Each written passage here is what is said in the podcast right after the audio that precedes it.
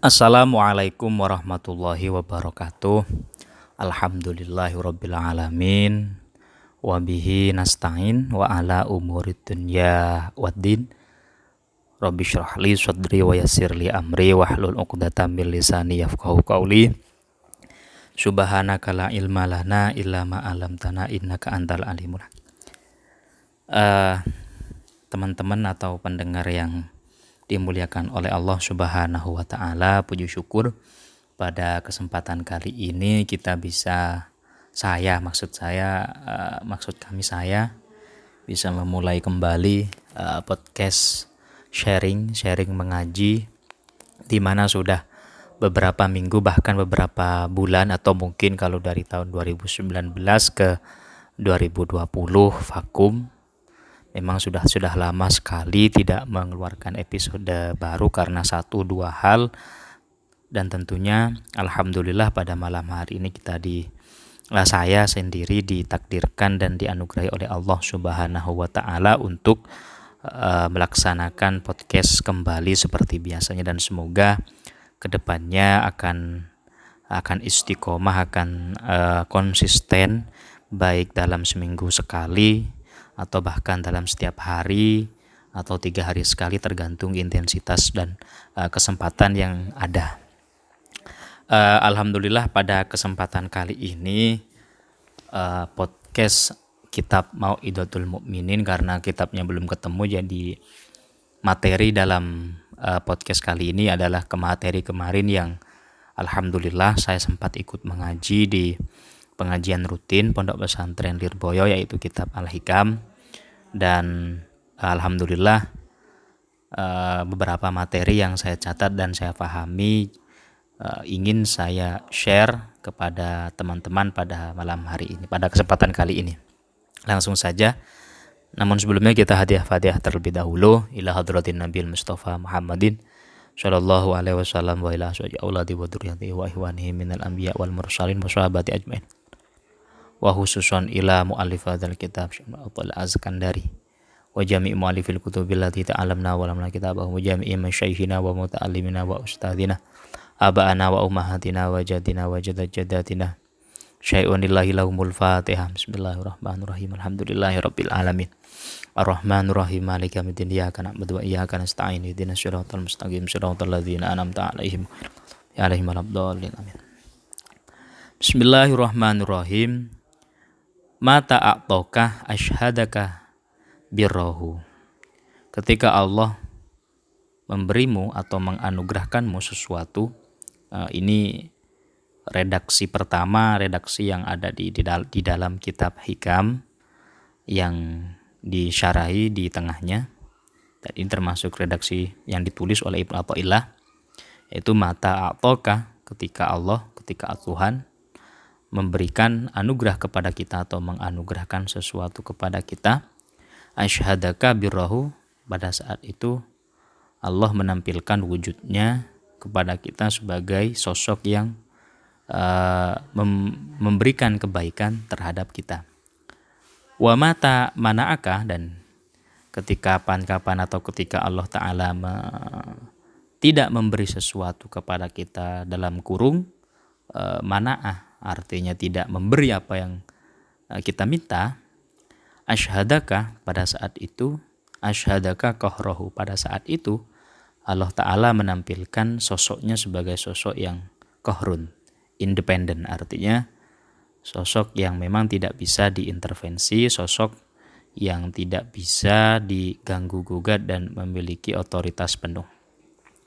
Fahuwa fi kulli dhalik dua hal tersebut baik ketika Allah Ta'ala e, menganugerahkan sesuatu, sesuatu kepada kita maupun ketika Allah Ta'ala tidak memberi atau tidak mengabulkan apa yang menjadi ekspektasi dan doa kita muta'arifun ilaika. Hanya tujuannya memberi pengetahuan mengenalkan kepada kita terhadap dirinya. Wamuk bilun biwujudilutfihi alaika dan menampilkan sosok yang lemah lembut terhadap kita, artinya sosok yang maha pengasih. Eh, ketika berhadapan dengan makhluknya Allah Ta'ala itu adalah sosok yang maha pengasih. Jadi eh, redaksi pertama di dalam kitab hikam ini maksud saya redaksi yang saya baca barusan adalah redaksi kemarin yang alhamdulillah dikaji di di pengajian rutin Pondok Pesantren Lirboyo dan kebetulan uh, sedikit banyak saya pelajari dan ini masalah uh, ketuhanan atau bagaimana cara kita menyikapi atas sesuatu yang terjadi pada diri kita meliputi uh, baik itu sebuah anugerah yang dianugerahkan, pemberian yang diberikan oleh Allah Subhanahu wa taala kepada kita maupun eh, hal-hal uh, yang terjadi kepada diri kita yang sebenarnya tidak kita inginkan. Nah, sebenarnya tidak kita inginkan. Bagaimana posisi kita atau posisi keimanan, keyakinan kita kepada Tuhan ketika hal tersebut terjadi kepada kita. Jadi eh, redaksi matan dari kitab Hikam mengatakan bahwasanya ketika ketika Allah taala eh, mengabulkan apa yang kita minta itu secara tidak langsung menampilkan sosok yang eh, maha pemberi kebaikan kepada kita.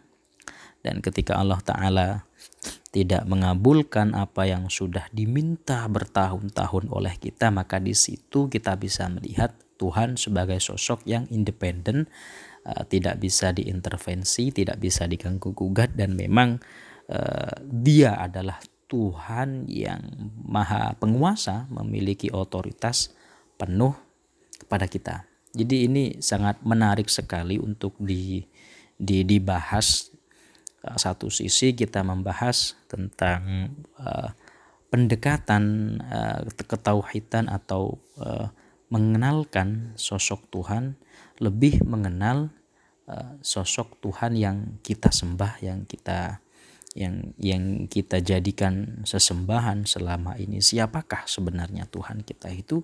Dan satu sisi juga memberikan edukasi edukasi pembelajaran kepada kita akan sikap sikap kita dalam ketika dihadapkan dalam dalam keadaan yang yang kontras. Nah, bagaimana sikap kita menghadapinya?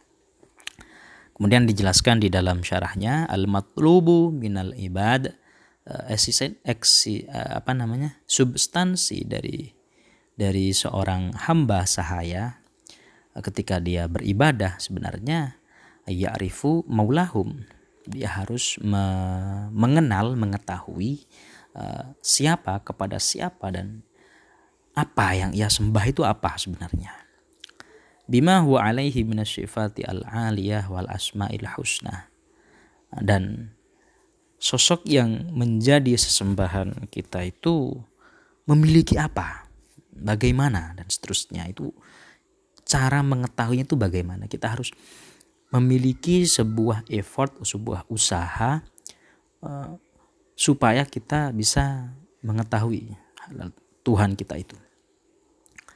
Jadi itu sebenarnya al-matlub, uh, esensi dari uh, ibadah yang selama ini kita lakukan. Jadi kita melakukan ibadah A sampai Z itu bertujuan untuk lebih mengenal siapa sih sosok yang kita yang kita agukan dan yang kita sembah.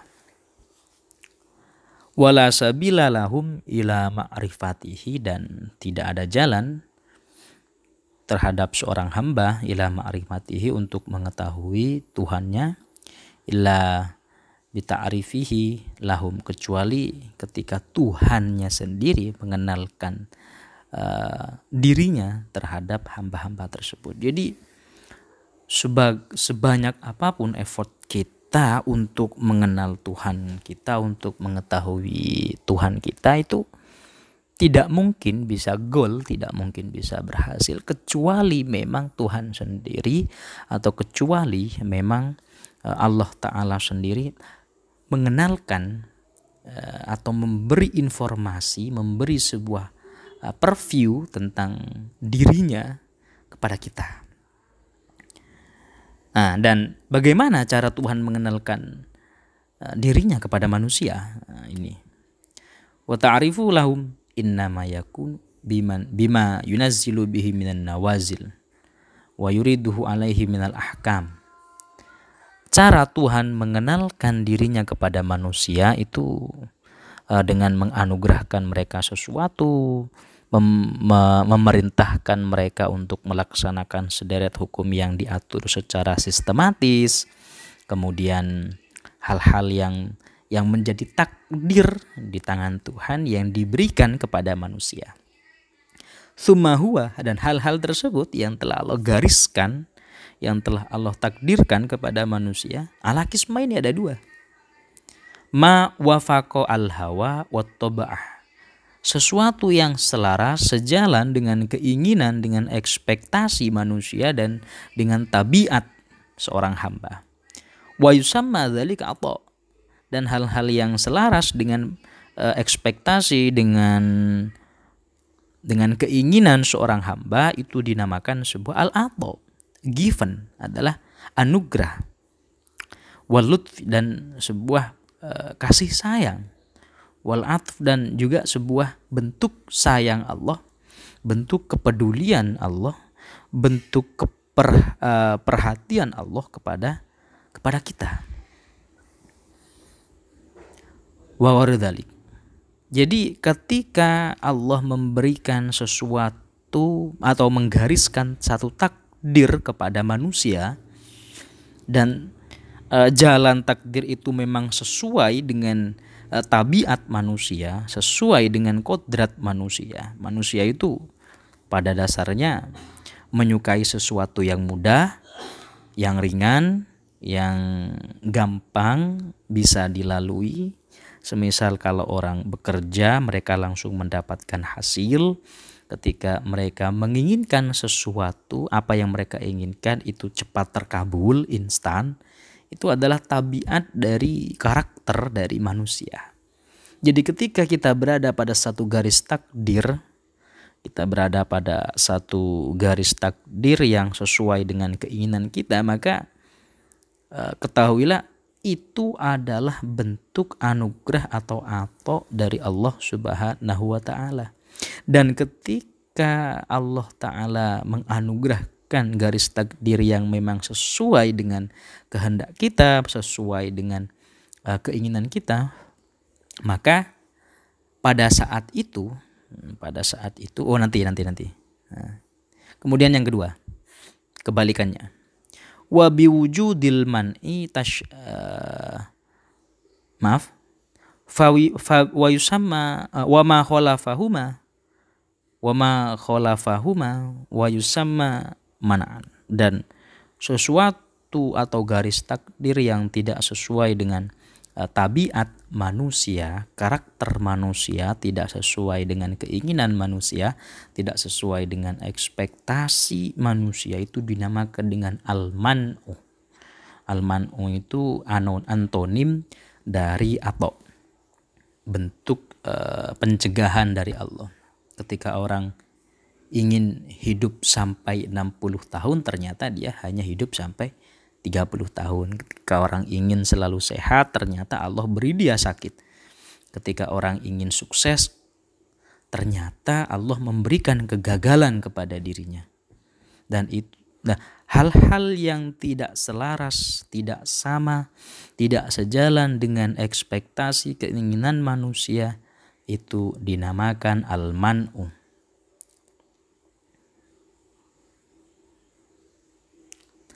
Fabi wujudil ato dan konklusinya di sini. Kesimpulannya di sini. Fabi wujudil dengan uh, pemberian atau anugerah yang telah Allah berikan kepada manusia.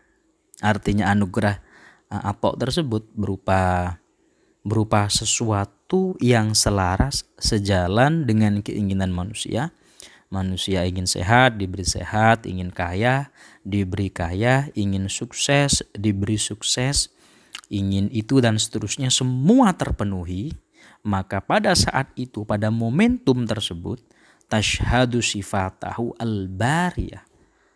Allah Ta'ala menampilkan sosoknya sebagai Tuhan yang maha maha baik sekali. Yaitu Tuhan yang al-jud yang maha pemurah, Al-Ihsan yang maha berbuat baik. Al-Lutfi yang maha penyayang. wal atof juga maha mengasih. Jadi ketika garis takdir yang ditentukan oleh Allah kepada manusia itu sejalan dengan keinginan dengan tabiat mereka sehingga oleh al-muallif dikategorikan sebagai atau the given anugerah maka pada saat itu pada momentum itu Allah taala menampilkan dirinya atau sosoknya sebagai Tuhan yang maha pengasih lagi maha penyayang. Sebaliknya, wabi wujudil man'i. Nah ini, ketika Allah tidak memberi atau belum memberi apa yang menjadi keinginan manusia, yang menjadi ekspektasi, menjadi hasrat dari manusia, tashhadahu sifatahu al-qahriyatah. Allah menampilkan sosoknya sebagai Tuhan yang maha atas segalanya, Tuhan yang tidak bisa diintervensi, Tuhan yang tidak bisa didekte oleh doa-doa manusia.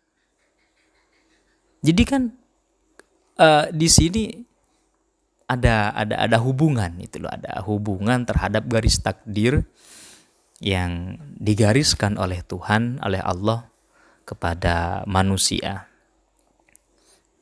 Ketika garis takdir itu sesuai dengan keinginan manusia, sukses, sehat, kaya artinya sesuatu yang memang uh, selaras dengan keinginan manusia, maka pada saat itu, pada momentum atau pada saat kejadian itu, Allah Ta'ala menampilkan dirinya sebagai sosok yang pemurah, pengasih, penyayang. Tapi ketika Eh, kehidupan yang kita lalui itu tidak sesuai dengan ekspektasi kita. Merasa sulit, tertekan, depresi, kekurangan dalam keadaan yang miskin, kelaparan, bencana dan semacamnya padahal kita sudah mengupayakan, kita sudah berdoa, kita sudah bermunajat, kita sudah eh, menjadi pribadi yang lebih baik.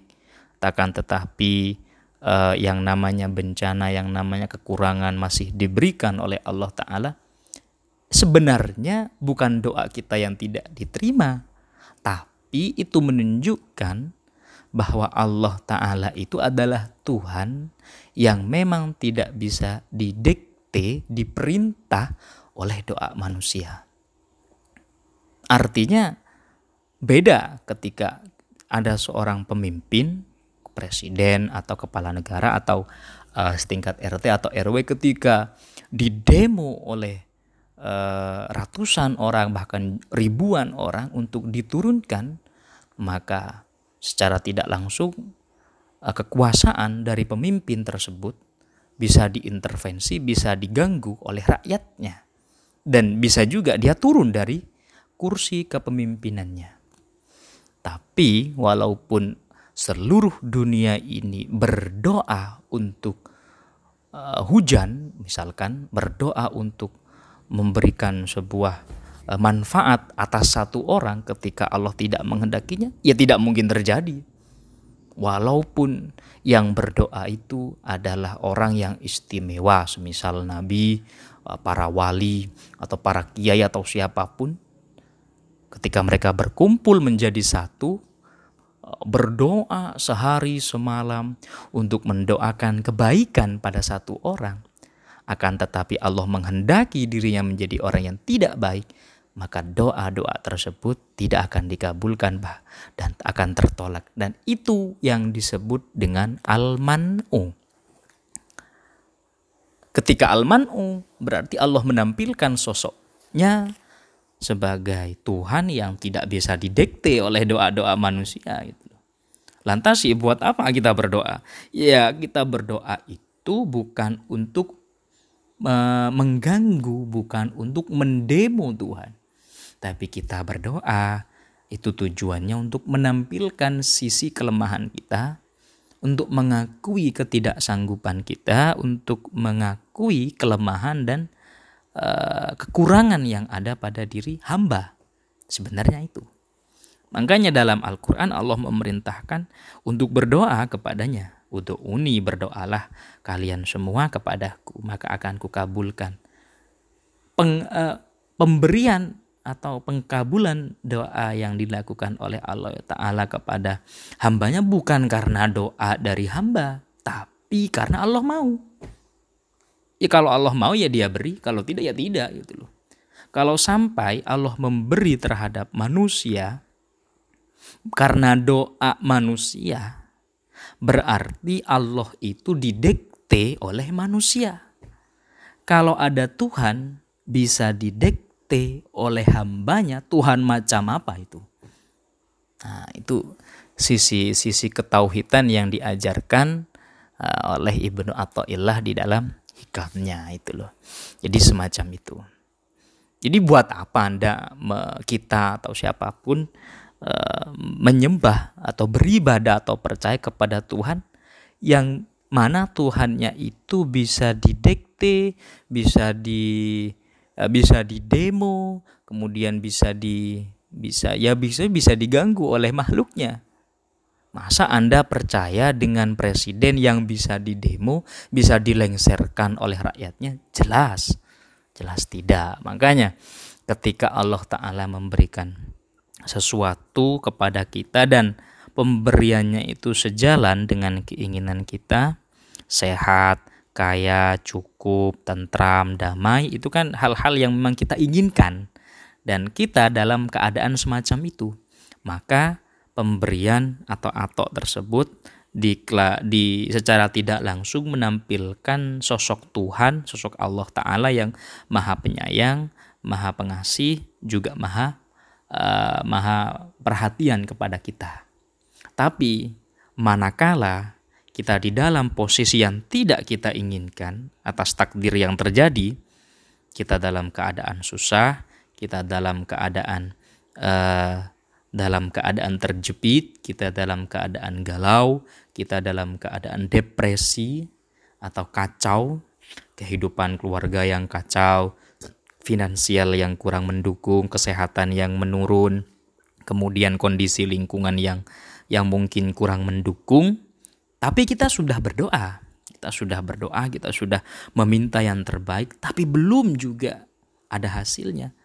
Itu bukan berarti Allah Ta'ala tidak mendengar doa kita, bukan. Tapi pada saat itu Allah menampilkan sosok yang tidak sosoknya, sosok Tuhan yang tidak bisa diintervensi, tidak bisa didekte oleh manusia, tidak bisa diganggu gugat bahkan tidak bisa merubah takdir atas doa-doa yang dipanjatkan oleh seluruh manusia. Nah. Fayam bagilah maka ianya bagi seorang hamba Allah tafarraqa bainahuma. Itu tidak memisahkan dua hal tersebut. Artinya dua hal yang telah diuraikan di atas baik ini berupa atau atau man'u bagaimana cara kita menyikapinya itu loh.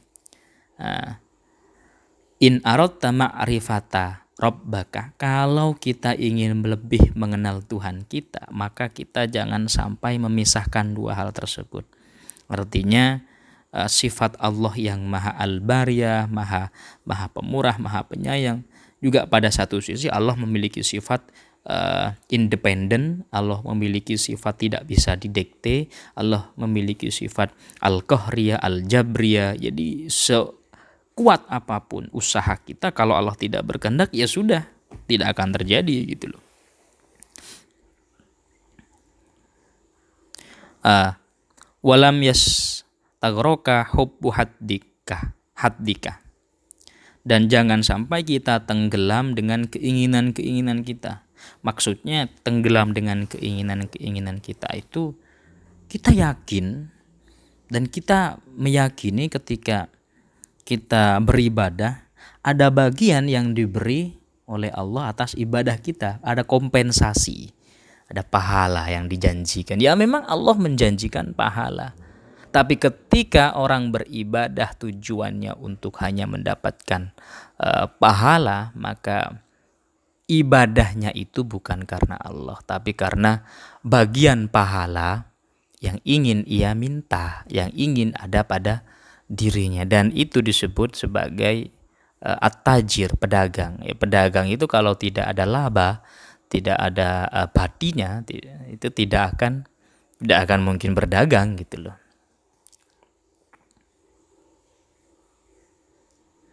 Wahada eh, maaf. Hmm. Fahuwa fi kiltal halataini imun alaika. Pada dua sisi yang telah diuraikan di atas, sebenarnya Allah Ta'ala itu sudah memberikan nikmat kepada kita dan e, memberikan kasih sayangnya terhadap kita dan keterangan semacam ini e, sudah diurai di depan maksud dari ucapan ucapan pesonif e, mata fatahah ketika Allah membuka terhadap dirimu babul fahmi satu bab ke kefahaman filman i dalam masalah e, mencegah artinya ketika Allah tidak memberikan apa yang kita minta ada alman huwa ainul ato. Maka almanu itu sebenarnya esensi dari pemberian. Jadi ketika Allah tidak memberikan apa pun kepada kita, tidak mengabulkan doa kita, tidak menjadikan kita orang yang sesuai dengan keinginan kita, pada dasarnya hal tersebut adalah ainul atau pemberian yang sesungguhnya oleh Allah Subhanahu wa taala. Kalau kita mengetahuinya, kalau kita paham gitu loh. Ya terkadang karena kita manusia, kita lupa bahwasanya Tuhan atau Allah taala itu tidak bisa diganggu, tidak bisa diintervensi. Ketika doa kita tidak dikabulkan atau belum dikabulkan, maka kita akan merasa jengkel, kita merasa marah, kita merasa malas untuk berdoa lagi gitu loh. Dan seterusnya itu eh, salah satu poin sikap kita terhadap keadaan, baik keadaan yang sejalan dengan keinginan kita atau atau atau keadaan yang tidak sejalan dengan keinginan kita atau almanu. Bagaimana kita memposisikan keimanan kita kepada Allah Subhanahu wa taala. Saya kira uh, untuk untuk perdana di tahun 2020 kiranya cukup. Semoga bermanfaat. Kurang lebihnya mohon maaf. Wallahul muwafiq ila aqwamit. Wassalamualaikum warahmatullahi wabarakatuh.